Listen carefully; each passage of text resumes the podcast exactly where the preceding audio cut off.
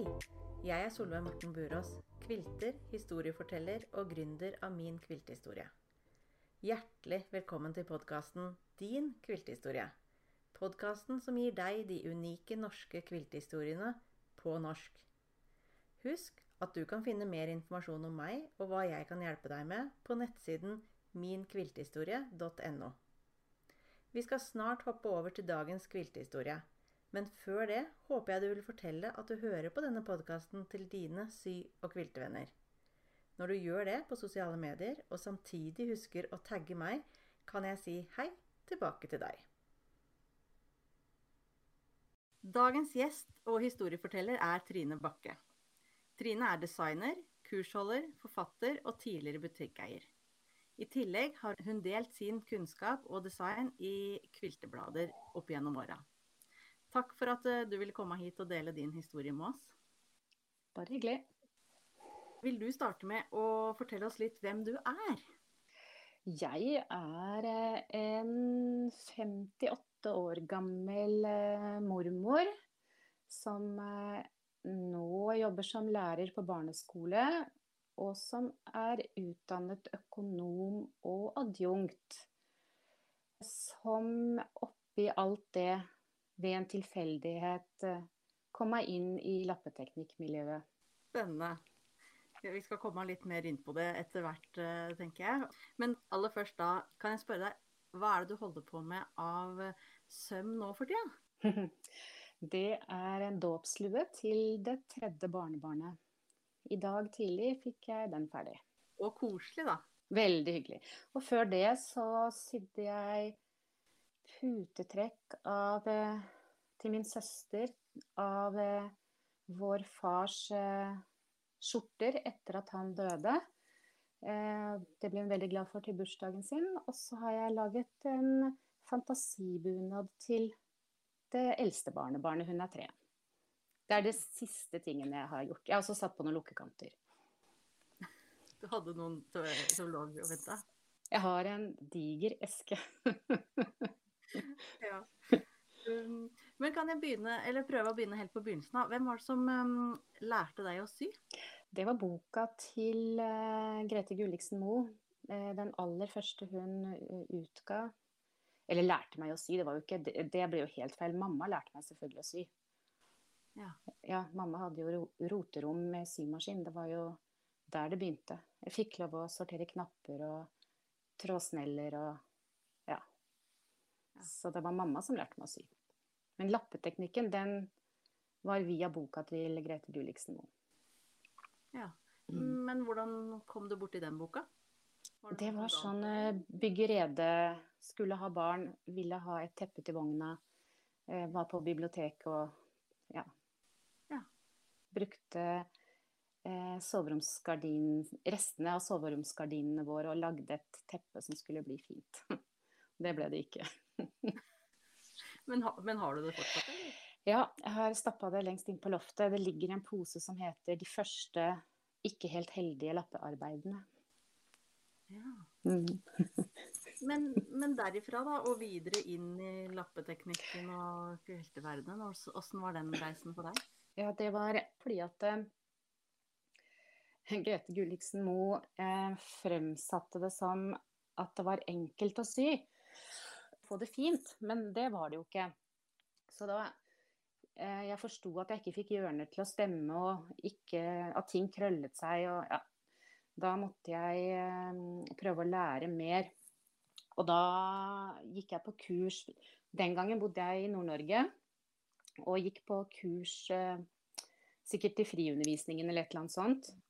Og så da vi flyttet nedover til, til Østlandet, så fortsatte jeg med friundervisningen og kveldskurs. Og, og så kom jeg borti Tove Fevang. Ja. Og Asker kviltelag, så da det var, det var bra. Men så, da lærte du jo å sy. Men så ja. etter hvert utvikla dette seg jo til, til, noe mer. Så ja. Jeg, altså både, Har du vært designer og du har vært butikkeier, hvordan var rekkefølgen, eller hvordan henger de to sammen, eller hvordan står de hver for seg, de delene av Ja. Ja, det begynte Jeg ble nok butikkeier før jeg ble designer, men før jeg det, Altså mens jeg fortsatt gikk på kurs, så kan jeg huske at jeg tenkte at eh, kurslederne var altfor konservative og altfor kjedelige i valgene sine. Og jeg kunne ikke forstå hvorfor de rådet kursdeltakerne til å ta sånne trøtte, trøtte valg. Eh, så allerede da prøvde jeg å legge meg borti hvordan andre skulle arbeide. Eh, og så ble det datafirmaet jeg jobbet i, kjøpt opp av en konkurrent, og så fikk jeg nye arbeidsoppgaver som ikke var like spennende. Og så hadde jeg små barn, og så kjente jeg at det blir altfor mye jobbing. Så da sa jeg opp og begynte å leke med drømmen. Ja. Mhm. Så det, og da startet jeg butikk sammen med eh, tre damer. Så ble vi to etter hvert. Og mens jeg jobbet der, så var det jo hele tiden eh, lage mønster. Ja. Og, og det det utviklet seg til både Kviltemagasinet og Kviltmania og KK og mm, Familien og Cappelen Dam. Ja. Mm. Men husker du det aller første mønsteret som du lagde, eller? Som du på en måte Mm. delte som et mønster i et blad, eller Nei, det har vært så mange. Jeg tror ikke jeg husker det helt konkret. Nei. Ja, og det, det er meg. Eh, hvis du begynner å spørre etter årstall og eh, hva som kom først og sist, er helt Jeg kan ikke gjøre rede for det i det hele tatt. De store linjene. Ja, ikke sant. Men, men det at du begynte å lage de mønstra, var det et behov eh, som kundene hadde, eller var det et behov du hadde for å Nei, det var, nok, det var nok et behov kundene hadde, fordi jeg syns det var vanskelig å bare bruke bøker og mønstre som var kjøpt, fordi jeg ofte var veldig uenig i eh, detaljer og eh, fremgangsmåte. Så når jeg begynte å lage modeller som ikke det fantes mønster til, så kom det jo helt naturlig at da måtte jeg tegne det. Så etter hvert så lærte jeg jo at jeg skulle dokumentere hva jeg gjorde underveis. For før jeg kom så langt, så var det på lykke og framme å skjære og klippe og bare eh, justere det til. Men etter at jeg skjønte at de ville ha mønster, så måtte jeg lage meg en god fremgangsmåte. og Særlig dokumentere. Så jeg finner jo fortsatt permer oppe på arbeidsrommet hvor det står eh, Jeg har en perm som heter eh, 'I arbeid'. Og der er det stygge håndskrevne notater på en serviett eller en avisside eller et eller annet sånt. Husk at du må klippe akkurat fire og en halv, eh, f.eks. Mm. Mm. Men, men du, for du lyktes jo, lyktes jo godt da, med den måten å formidle eh, mønstre eller oppskrifter og, Mm. og kunnskap på. Ja. For du jo Du har jo vært veldig etter, etterspurt som eh, kursholder også. ja, stemmer. Det har vært veldig gøy. Komme rundt i hele Norge. Eh, sover på enten et gjesterom eller et hotell. Gå morgentur eh, på helt nye steder. Og så eh, få lov til å ja, inspirere andre så de blir lykkelige. Det har vært veldig bra. Det har vært eh, mange kurs, mange foredrag. Mm. Har du vært eh, utenlands også? Med- Ja.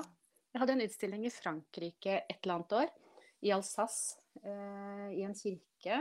Det var i forbindelse med at en av bøkene mine ble oversatt til fransk, så jeg husker ikke hvilken. eh, så det var veldig gøy. Jeg fikk en hel, en hel kirke å stille ut i. Ja. ja. Mm. Ja. Men selv om du ikke husker hva som var det første mønsteret ditt, men, men har du lagd et uh, mønster som du har som favorittmønster? Om det er favorittmønster? Jeg vet hva, jeg lurer litt på Fordi vi overnattet hos eh, min datter i helgen. eh, Og da hadde hun redd opp til oss. Og eh, da lå eh, det, det mønsteret som heter solsnu, lå på senga. Og det er kanskje Det var det som var i det franske bladet også. Det er kanskje eh, en av favorittene mine. Hva slags, eh, Er det blokker, eller hva slags det er, I midten er det en stjerne eh, som er en eh, sol. Og så er det noe blomster i et kryssmønster, og så er det hele tiden nye eh, designelementer. Så er det en sånn eh, medaljongaktig variant. Eh, og det, ja, og så lagde jeg jo den eh, for familien som heter eh, Hva heter den, da? Lappeskolen, var det det? Den, også, den liker jeg også. Men den, men den har jeg ikke selv, den har jeg bare tegnet. Og så har jeg fått de som jobbet i butikken, eh, gamle lappmakeriet. De sydde hver sin variant i forskjellige farger, så den har jeg faktisk ikke selv. Den også er jeg veldig glad i. Men du kaller den Lappeskolen. eh, Det er ikke den som jeg kjenner som eh, svennebrevet? Jo, jo. Mm. Ja. Mm. Det stemmer. Svennebrev. Mm. Ja, ikke sant? Og den var jo sånn månedsblokk. Ja. Ja, og, og den var i familien. Ja. Eller KK. Ja, ja, det husker jeg ikke. Nei, den var i familien. Familien. Ja. Men den, den er, det er jo et veldig godt mønster for å kunne lære nye blokker, nye teknikker. Mm. Utvikle på en måte repertoaret sitt. Den er Mm. jo både for nybegynnere, tenker jeg, men også for uh, oss som har sydd i noen år. Ja, ja, ja, ja. ja. Og, ja, og når du tenker på at ikke jeg har sydd alle blokkene engang, så kan man sikkert likevel ha glede av den. Ja, ja, ja. Så ja, den eh, jeg, jeg- liker egentlig det best med lappeteknikken, å ta utgangspunkt i blokker, og så eh, sette sammen stoff som eh, gjør meg lykkelig, og som ikke er så tradisjonelle. Sånn at hver blokk eh, er litt rar, og allikevel i helheten fin. Mm. Mhm. Det, og det der er jo den, sånn jeg kjenner den stilen din, eh, veldig overraskende. Eller Mhm. eh, ut, ja, som du sier, utradisjonell også. Mm. Um, og spenn, ja, spennende og morsom. Um, men, men hvor er det du finner inspirasjon til de blokkene, eller det du designer? Ja, det er jo i, på museer og gamle, eh, gamle tepper, eh, eh, gamle bøker. Eh, elsker når det er svart-hvitt tegning av en blokk, sånn at det ikke er fargelagt, så jeg blir påvirket av det. Og, og på messer i utlandet, og selvfølgelig i alle mulige slags utenlandske bøker.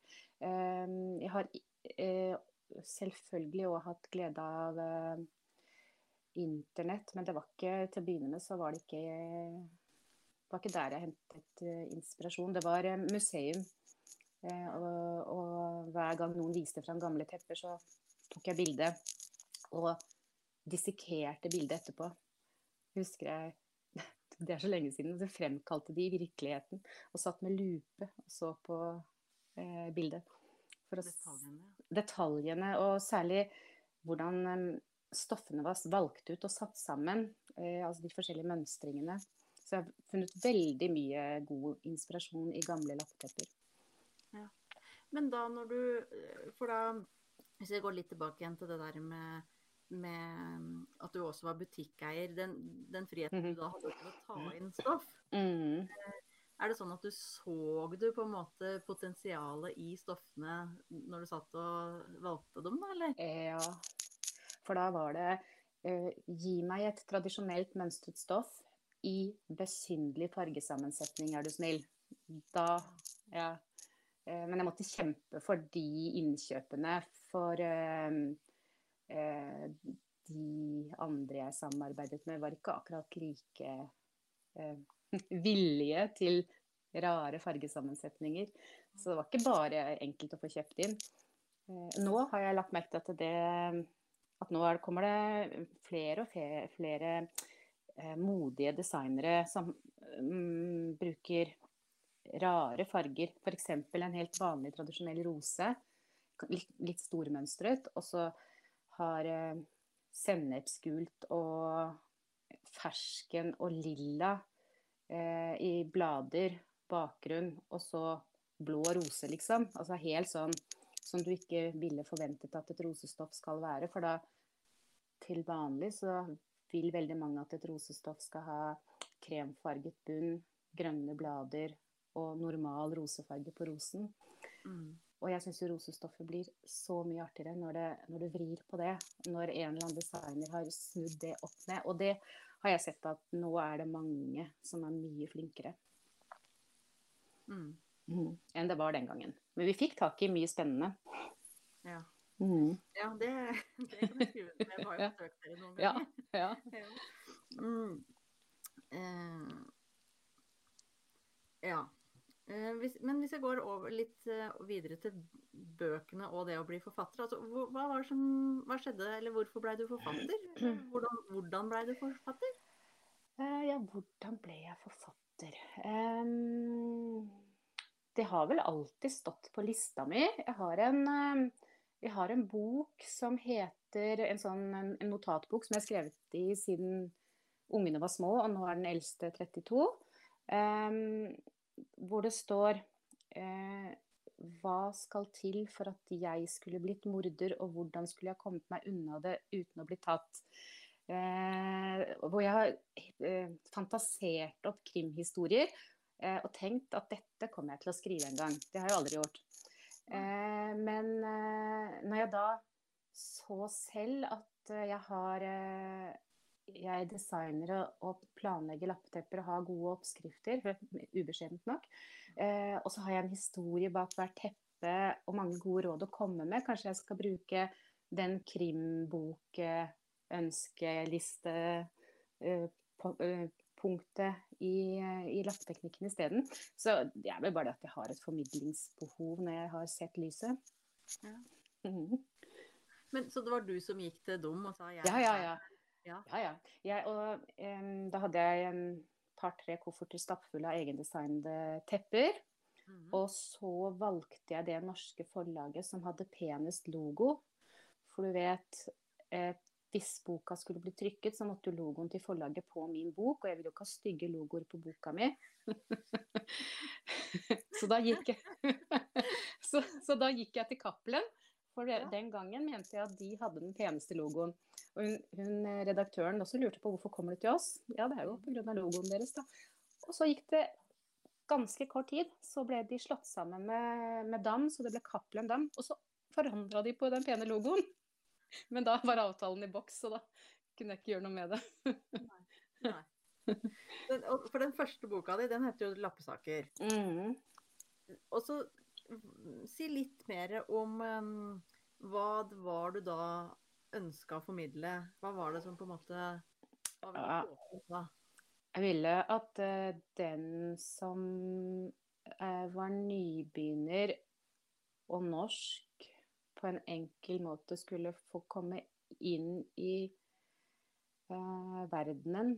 For jeg hadde jo lagt merke til at det var veldig mye engelsk. Uh, så å bruke norske ord var veldig viktig for meg. Forklare det på norsk måte. Mm. Mm, Men til å begynne med så brukte jeg tommer, inch, uh, fordi at det var de linjalene jeg allerede hadde, fordi jeg hadde sydd etter engelske bøker, amerikanske bøker. Mm. Eh, men skulle jeg gjort det Når jeg ser på det nå i ettertid, hvis jeg skulle gjort det en gang til, så skulle jeg insistert på centimeter fra begynnelsen av. Men det så jeg ikke. Så nå har jeg bedre øyemål i tommer enn jeg har eh, i centimeter. Og det er litt trist. Ja, så du ville rett og slett ha på en måte bare knepphold på centimeteren? Vi, nå, i eget arbeid og ut til ja, nå i ettertid så ville jeg gjort det.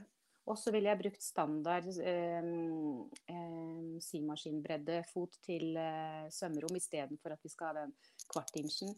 Men eh, det, det går det ikke an å gjøre noe med at jeg har At jeg gikk den veien. Eh, i, I boka 'Hjemmesydd', den siste, den tredje, der, har jeg, der prøver jeg å korrigere for det. Skrive litt om centimeter og tommer og eh, Bruk de verktøyene du har. Ja. Mm. For, for, for sånn som jeg leser den boka, så tenker jeg jo at dette må jo, er den perfekte nybegynnerboka. Mm, mm. Eh, og da var det det du liksom ønska Ja, ja, ja. Mm, ja. Og, og, og, og, ikke ekskluderende fordi jeg hadde oppdaget når jeg holdt kurs og i butikken, at det var så mange som ikke kunne engelsk godt nok til å takle f.eks. Eh, kunne komme igjen og spørre i, i, disken du, det står at jeg skal backstitch. Hva er det for noe? Mm. Ja, det er å sy bakover, det er å feste. Mm. Å oh, ja! Mm. Og sånn at um, og det er veldig mange som ikke eh, Det er mange som kan angre seg for at de ikke fulgte godt med i mattetimene på skolen den gangen vi hadde brøk. For hvem skulle trodd at brøkregning ble så viktig eh, når du er så glad i å sy som det jeg er. Eh, så det var veldig mange som heller ikke taklet eh, en, sjett, nei, en 16-dels tomme, f.eks. Eh, så jeg prøvde å forklare det og gjøre det enklere. Mm. Mm.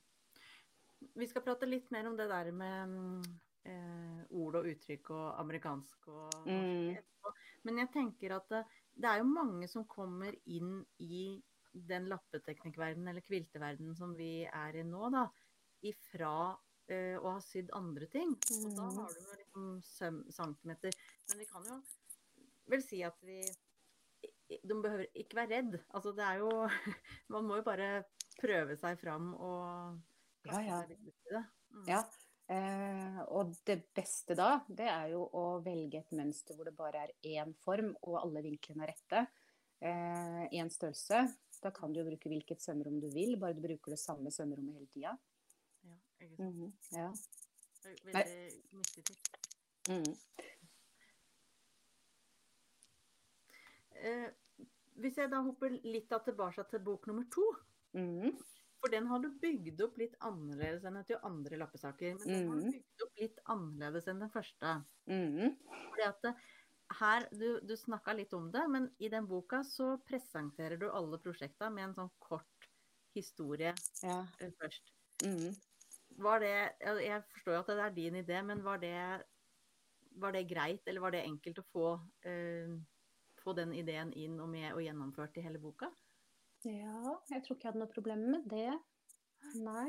Eh, for det, når man skal lage en bok, fant jeg ut etter hvert, så, så, må du ha en god ramme og en god struktur. Også en mening med hvert avsnitt. Eh, og, så det, jobb, det jobba jeg med på andre lappsaker, og, det videreførte jeg på hjemmesyd. Ja. Mm. Mm. Mm. Og så, for i den boka, da, så eh, har du ei blokk eh, som jeg vet at det er veldig mange andre som har sydd, og det er den åttebladrosa. Ja. Og så har du da eh, lagd et teppe som du kaller for åttebladrose i originaltapping. Mm. Og da lurer jeg på to ting. Det ene er hva betyr originaltapping? For det var ikke helt naturlig for meg å skjønne. Og, eh, ja, kan du fortelle det først?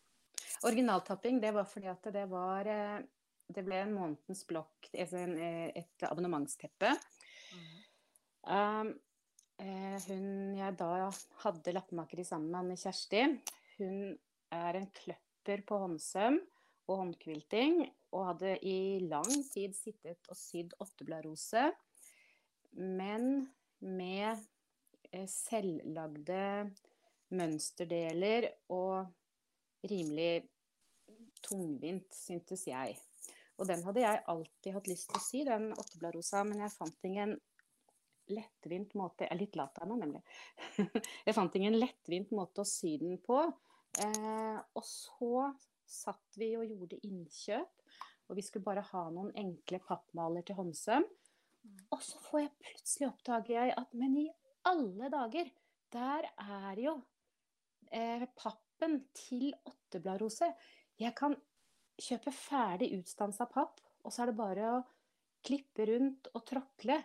Mm. Halleluja! Og det var originaltappingen. Altså, da jeg oppdaget at her fins det hjelpemidler som kan kjøpes, og som gjør at jeg slipper noe av det kjedelige arbeidet, eh, så ble det den aller første det aller første teppet som det var mulig for andre å herme direkte etter bare ved å eh, kjøpe malene og så ble det den første det ble den første Månedens Blokk-varianten. Og da tror jeg vi hadde fem forskjellige farger.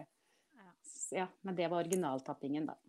Og, mm. og, og der òg snakker vi om den fargesammensetningen mm. eh, i de mannsblokkene der. Mm. var, um, var spenstige. Ja. um, men, men, har du lyst til å eh, si litt mer om eh, der, for, for det, det, Du sier jo at det er eh, Der henviser du til eh, Åsa Vettre. Ja, det er ikke sant. Gamle bøker. Nei, gamle tepper. Ja. ja har du fortelle litt om det? Å ja, Åsa Vettre. Eh, hun hadde en utstilling på Blåfargeverket eh, et eller annet år. Eh, med gamle svenske lappetepper. Og der var vi og fikk oppleve alle de flotte, gamle teppene. Og hun har jo dokumentert svenske lappetepper så bra gjennom to eller tre bøker, som også oversatt til engelsk, som gjør at eh, Jeg hadde jo, jeg hadde jo um, inspirasjon for mange år bare ved å gå på den utstillingen. Og vi, Åsa Vettere bor i Gøteborg, og vi var også på besøk hos henne i en eller annen anledning, som jeg ikke husker hvorfor. Og da viste hun eh, hele sin digre samling. Hun har så mange antikke tepper i hele det flotte rekkehuset.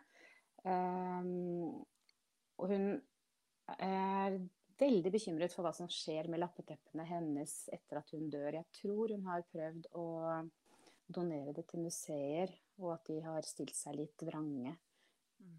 De burde ha ringt meg og hørt. det er en skatt. Ja. Mm. Mm. Så mm. mm. Ja, det, det, der med å ta vare på den uh, arven der er uh, det, det, er jo vi opptatt av. Ja, ja.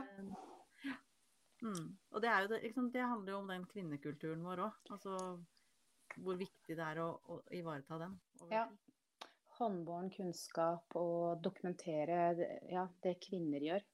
Mm. Eh, det er helt, eh, helt korrekt. Mm. Og vi jobber jo veldig ofte i myke, myke mm, materialer. Denne, nå har jeg akkurat vært og sett uh, en av utstillingene til Inger Johanne Rasmussen. Hun er vel den eneste ja, Nei, det kan jeg ikke uttale meg om. Men hun er i hvert fall uh, innkjøpt på Nasjonalmuseet, som henger på Nasjonalmuseet. Uh, jobber med Tova ull, som er resirkulert fra Forsvarets restlager. Ull, fotkluter Eh, fotkluter er forløperen til sokker. Så i gamle dager, nedi støvlene, så bretta de ullstykker rundt foten, fotklut, istedenfor å ha på seg strømper. Og det ble aldri kasta eh, Forsvarets eh, restlager. Og hun har fått kjøpe, eller få, det vet jeg ikke, mange av de fotklutene. Og hun har farget i et vell av farger og bruker det som materialer. Og lager Hun sier selv at det er sånn intarsia um, det, det er, For meg er det um, applikasjon råkant mot råkant. Hun har ikke et underlag hun legger det på. Hun, hvis det er en runding, så klipper hun ut rundingen, og så har hun det motsatte elementet som passer i sirkelformen, og syr direkte inntil med små sting for hånd. Eh, fantastisk kunstner. Eh, og hun, hun, er også et eksempel på at kvinnekultur til slutt kan havne på museum. Så hun henger på Nasjonalmuseet. Mm. Mm. Denne, Det, det kan jo oppfordre folk til å besøke og se på. Ja. Men en ting til som du gjør i den boka som jeg hadde lyst til å prate med deg om, det er de naiv applikasjon. Mm. Assosiasjonsmetoden. Mm. Det er Cecilie Dedichen som uh, lærte meg det først. Og jeg så jo at Janet Bolton hadde gjort det også. Men derre eh, Ta tak i et element. Skal vi se hvis jeg bare ser meg rundt her jeg sitter nå. Jo, eh, f.eks. melkeglasset med kefir som jeg har ved siden av meg i tilfelle jeg blir veldig tørst og sulten underveis. Um, fargen på kefir, strukturen på kefir. uh, hvor kommer kefiren fra? Bakteriekultur. Kan jeg lage et bilde med kefirkartong? Fargen på kefirkartongen er jo blåturkis, den er hvit. Hvordan, hvilken farge har bakterier? Hvordan kan jeg applikere dette inn i et spennende teppe, bilde? Altså sånn, bare en fri assosiasjon. Mm. Som, som, jeg syns er veldig gøyal. Ja. Og så jeg relaterer litt til det som er så populært i dag med kollasjer, jeg, da. Ja. Mm. Fordi du har også med en kollasj i den siste boka, uh, ei saks. Mm. Ja. Eh, det, og der bruker det... du ordet kollasj. Ja. Men jeg tenker at det her, dette her henger jo litt i sammen. Mm. Det der at du, sånn som du sa nå, de assosiasjonene eh, kefir eh, gir. ja. så, så, og så legger du det inn i det lille bildet, da. Mm. Og ofte kanskje bare med elementer som jeg forstår, og som mm. jeg har glede av. Og som jeg kan sitte og humre av jeg, mens jeg mens jeg syr. Ha-ha, dette kommer aldri noen til å skjønne, men fy søren så gøy jeg har det nå. Ja, men Det er jo deg og din glede over det, men jeg syns jo at den som da ser det, ja. den kan jo få lov å lage sine egne assosiasjoner av de elementene og de fargevalgene og stoffmønstra som Ja. Ja, absolutt. Absolutt. Ja. Så. Og, og, og, det der er helt greit for meg å bare klippe. Jeg elsker å klippe i stoff og klippe på frihånd. Eh, sette en eh, Sette noe foran meg på bordet. Ja, en vinflaske. Så jeg ser rundt meg hva jeg har her. Jeg setter en vinflaske på bordet, og så gå og hente det vakreste vinglasset jeg har.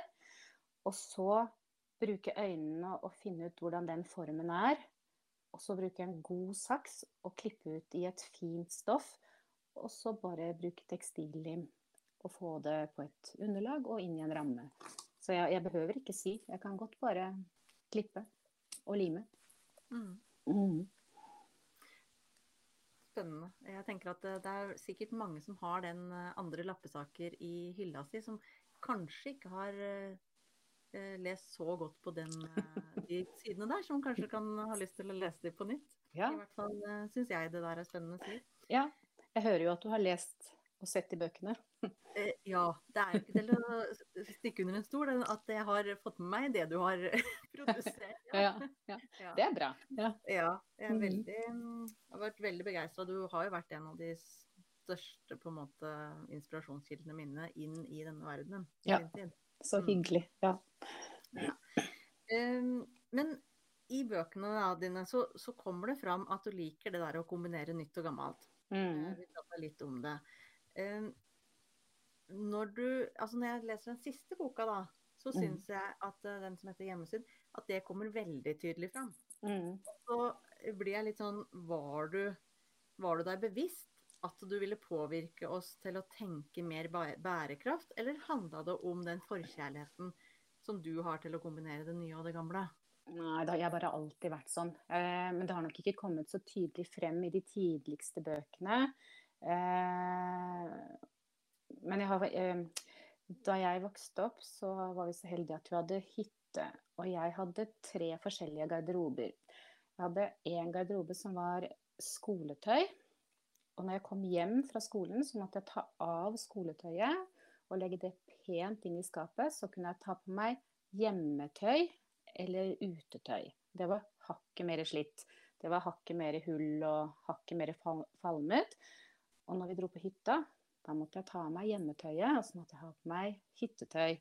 Og det var så slitent at det nesten ikke hang sammen. Og det var det også veldig mye enklere å leke i, for det var mye krabbing på svaberg og klatring i trær og sånn. Og det å ha tre, tre generasjoner klær etter slitasje i hele oppveksten, det har jo gjort meg til en som aldri kaster. Eh, alltid sparer. og håper at det kan komme til nytte. Det er han Øystein Sunde og jeg, tenker jeg. Eh, og jeg har alltid spart på tekstiler som jeg har hatt eh, et minne om eh, kjolen som min mormor hadde på seg i min onkels konfirmasjon. Eh, den fikk jeg sydd et lappeteppe av deler, da. eh, til min niese da hun ble konfirmert. For hun er oppkalt etter den mormoren. Eh, ja, og, og, jeg har alltid spart eh, og syns at det er gøy å bruke det, eh, det, De tekstilene jeg har spart, bruke dem på en annen måte. Og da blir det så veldig mye finere ofte hvis jeg får satt med noen nye, moderne stoff i tillegg. Det er litt sånn som at eh, hvis du er glad i antikviteter hjemme, så kan det kanskje bli litt traurig hvis ikke du setter til et lakk, nytt lakkbord eller en moderne stol eller ja, altså, Og det å blande gammelt og nytt så det får en egen personlighet, det, det liker jeg. Mm. Mm. Og det syns jeg jo du mestrer veldig godt, da. Takk. Så, uh, og jeg tenker at det det der er veldig til inspirasjon, og veldig i tida, da. Nesten litt sånn ja. ja. Var du så Det er jo noen år siden boka kom, så ja. liksom, er du så forut for din tid, liksom? Men, jeg har bare vært sånn hele tiden. Mm. Eh, og så kan det nok hende at jeg, hvis jeg skal være helt ærlig, vrede mot eh, gjenbruk fordi at jeg tenkte da er det lettere å selge det inn hos forlaget. Eh, ja. Så, fordi at det er det du sier, det er det i tiden. Eh, men jeg har alltid hatt den tiden, ja. ja. ja. Men, um, men, jeg tenker at det, er, det blir jo I dagens samfunn så blir det jo bare mer og mer uh, aktuelt. Altså, Mm. tekstilindustrien er jo oh. ikke uh, den um, mest miljøvennlige industrien. Så jeg, jeg tenker vel at vi kanskje med tida også vil få se en litt annen bruk av stofftekstiler i vårt miljø, da. I større Ja. grad. Ja, Mm. Men det er heller ikke til å Altså, det, um, stoff blir slitt når det blir brukt. Så Ja. det, det, det har jeg dessverre gjort. Jeg har sydd av for slitt tøy, Mm. og det, det er ikke lurt. For det, det går fortere i stykker. Så det er, ehm, det er lurt å bruke de beste delene av mm, Mm. Men eh, du sier at du samler på stoff. Hvordan organiserer du stoffa dine? De er organisert eh, i små esker. Og jeg, en bit kan være tre ganger to centimeter. Og den bretter jeg sånn at jeg får en kant på den, og setter den sammen med en knappenål. Og så setter jeg den ned i esken sånn at jeg ser enden av stoffet sammen med alle de andre. Så det er sånn liten, nesten sånn fyrstikkeskestørrelse, eller sånn stor fyrstikkeskestørrelse. Og s- eh, organiserer jeg stoffene så jeg kan finne dem lett igjen. Eh, og så har jeg lite, lite av store biter. Jeg har veldig mye smått. Eh, og det blir jo, det blir jo lappteknikk av. Ja. Mm. Men er det bevisst?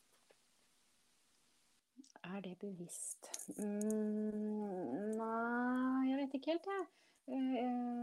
Det har alltid vært mer spennende å bruke alle de rare forskjellige restene i blokk. Og så, eh, når jeg først er klar, så finner jeg ramme og kantstoff og i større biter i butikk.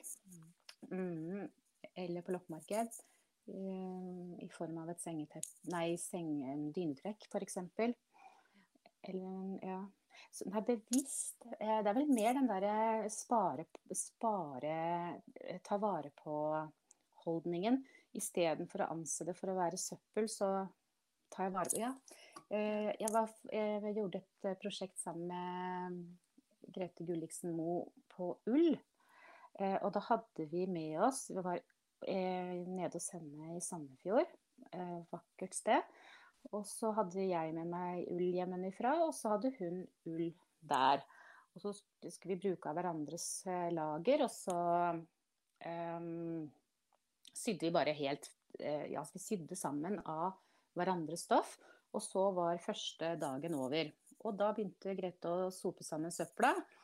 Og da var jeg oppe i søppelbøtta og henta opp det igjen som hun hadde kastet. Og særlig det hun hadde kastet av sine egne stoff, for de var så veldig spennende for meg. For jeg hadde jo ikke stor bit av det hjemme. Så da jeg kom hjem, så lagde jeg en eh, veske. Og bitene kan være fem centimeter ganger tre. Eller fem centimeter ganger ti. Eh, Nei, så jeg har nok bare alltid vært glad i å spare på små skatter. Mm. Og så bevisst da på at uh, du på en måte gjør blokkene eller det som er elementene, og så kjøper du heller de store bitene som passer til. Eh, du har jo mm. hatt et uttrykk som heter å gå på tur med stoffer. Ja, det er det. det, det. det, ja, det er det jeg gjør. Da går jeg på tur med blokker. Men jeg, jeg, jeg går på tur med stoffer òg. Nå i forbindelse med at vi skulle si, jeg skulle si den dåpsluen til Herman, så eh, kom det frem at det var rosa sløyfe på kjolen. Eh, og så tenkte jeg at da må vi jo kanskje få laget noe blå sløyfe på den dåpskjolen. Og da kan jeg kanskje trekke noe av det blå inn i lua.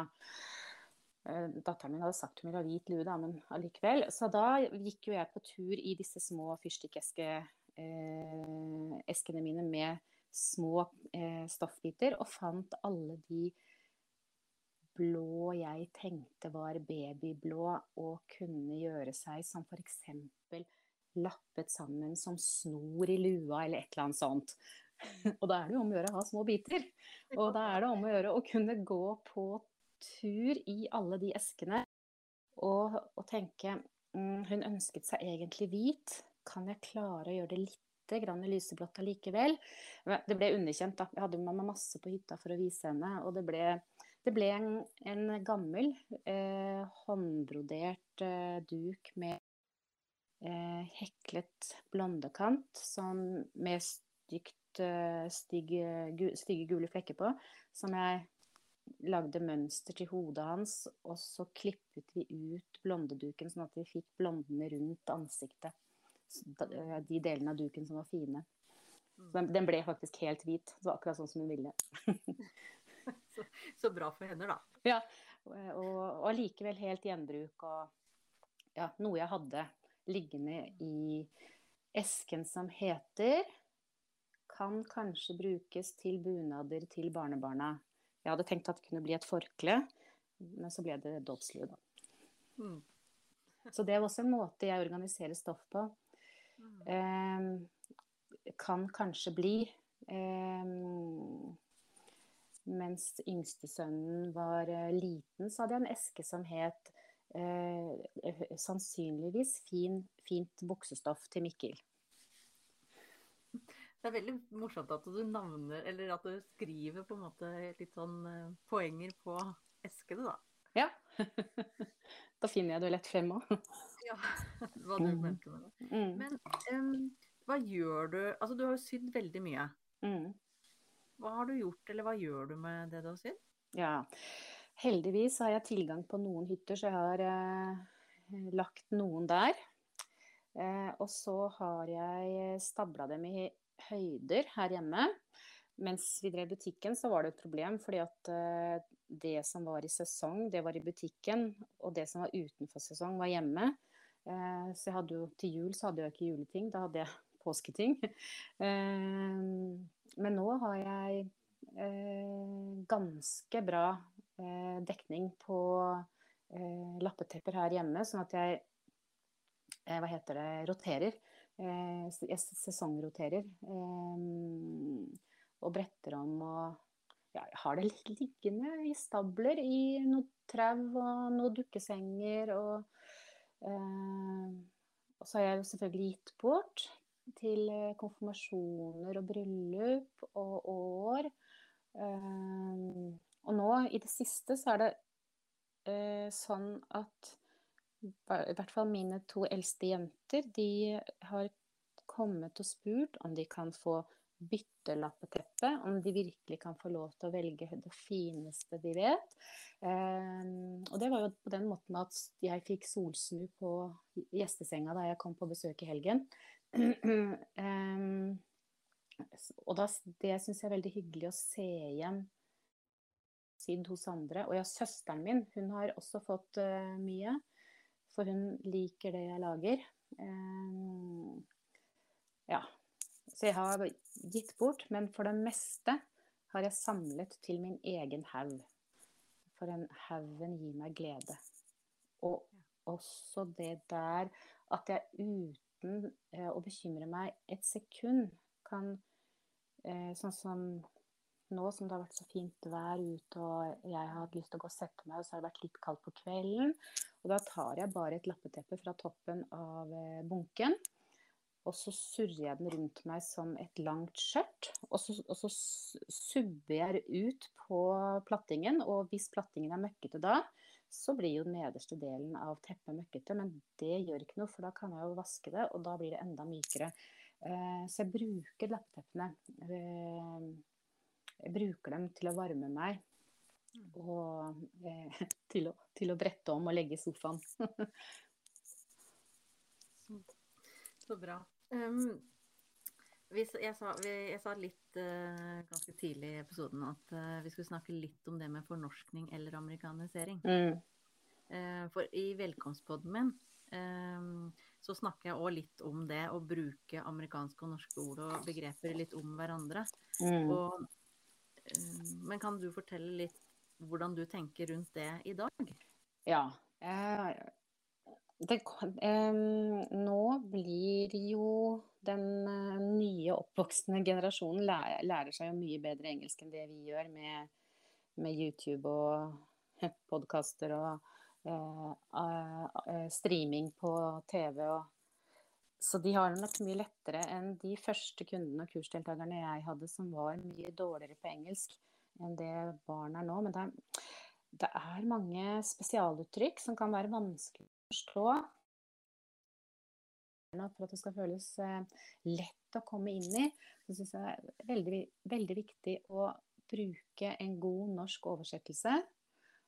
Og eh, kanskje rett etterpå slenge på det engelske ordet, sånn at man forklarer Sånn at du har gitt både det norske og det engelske for du har, du har, behov for det norske ordet for å forstå og fatte en sammenheng eh, selv. Og så har du bruk for det engelske ordet for å etterpå kanskje kunne google eller søke på Pinterest eller ja, YouTube for å finne mer om akkurat det temaet som du er interessert i.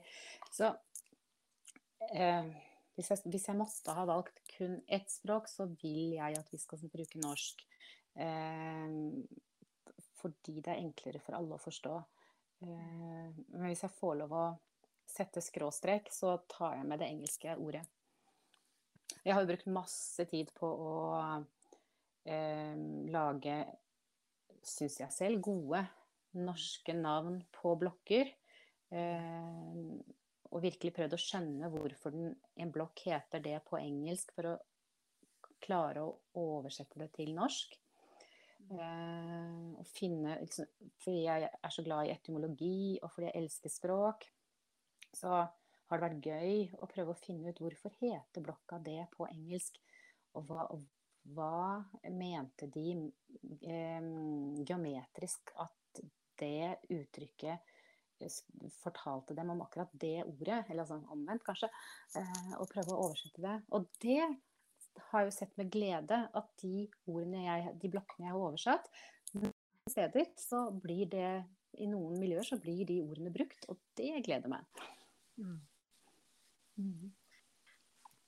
Ja, jeg, det der med fornorsking og amerikanisering, det tror jeg vi kommer til å komme inn seinere episoder også. I, i mm. For vi, vi, lever jo i, den, i det skjæringspunktet. Ja. Ja, absolutt. Ja. Og skal du, skal du ha en sjanse eh, i, i, engelsk dokumentasjon, så hvis du vet hva det engelske ordet er også. Mm. Mm. Mm. Um, jeg fortsetter litt til. Ja, ja. um, dokumenterer du kviltehistorien din? Og eventuelt på hvilken måte da? Jeg er ikke så flink som jeg eh, predikerer at andre skal være. Jeg har jo hatt et kurs som het um, noe med lapper bak, jeg husker ikke. Altså lage en signaturlapp.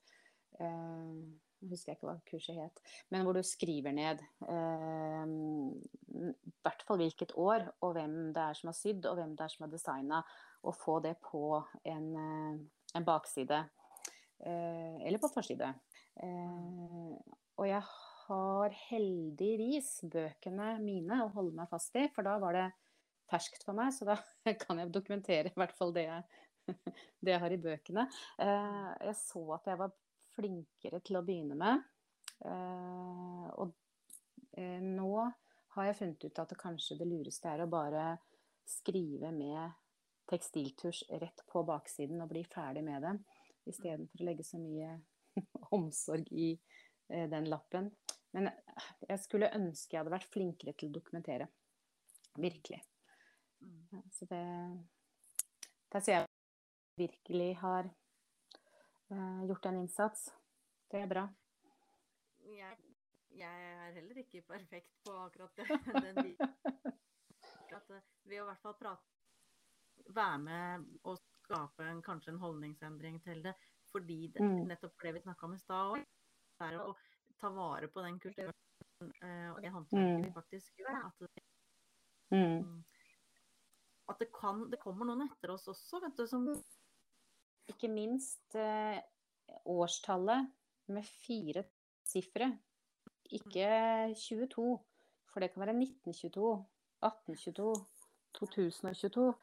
Um, så spander alle fire sifre. Mm. Ja. Mm. Absolutt. Har du et tips eller eh, råd som du vil gi på om uh, kvilting eller lappteknikk er noe for seg? Ja. ja. Hvis, du, hvis, du, liker å sitte og pusle med hendene og lage noe vakkert, eh, da er dette noe for deg. Hvis du, hvis du, liker å strikke og hekle og male, dandere blomster, eh, så kan du få utløp for alt det nesten i et, eh, et håndarbeid. Um, og så er det litt meditativt, akkurat sånn som strikking og hekling og brodering, at uh, det er ikke gjort på to sekunder. Uh, og når du setter deg med, ned med det, så er det kvalitetstid hvor du kan bli litt borte. Uh, og, og, du glemmer veldig mye av det som kanskje plager hjernen til daglig. Uh, og det er jo så gøy. Så uh, Og start enkelt. Mm. Hvis du har lyst, begynn med firkanter. Tusen takk for at du ville dele din uh, kvilthistorie med oss, Trine. Tusen takk for at du spurte. Det var hyggelig. Nå har du hørt dagens episode. Jeg håper du likte den, og at du lot deg inspirere. Send meg gjerne en melding dersom du har en drømmegjest jeg bør ha med i podkasten. Om du likte denne episoden og vil høre flere kviltehistorier, er det lurt å følge meg der du hører på podkaster. Da vil du få beskjed når det kommer en ny episode. Husk at du kan finne mer informasjon om meg og hva jeg kan hjelpe deg med, på nettsiden minkviltehistorie.no. På nettsiden finner du også informasjon og lenker fra denne og tidligere episoder av podkasten. Følg meg gjerne på Facebook. Der finner du meg under Min kvilthistorie. Eller på Instagram, der du finner meg under My Quilt Journal. Ønsker deg en fin dag videre. Vi snakkes.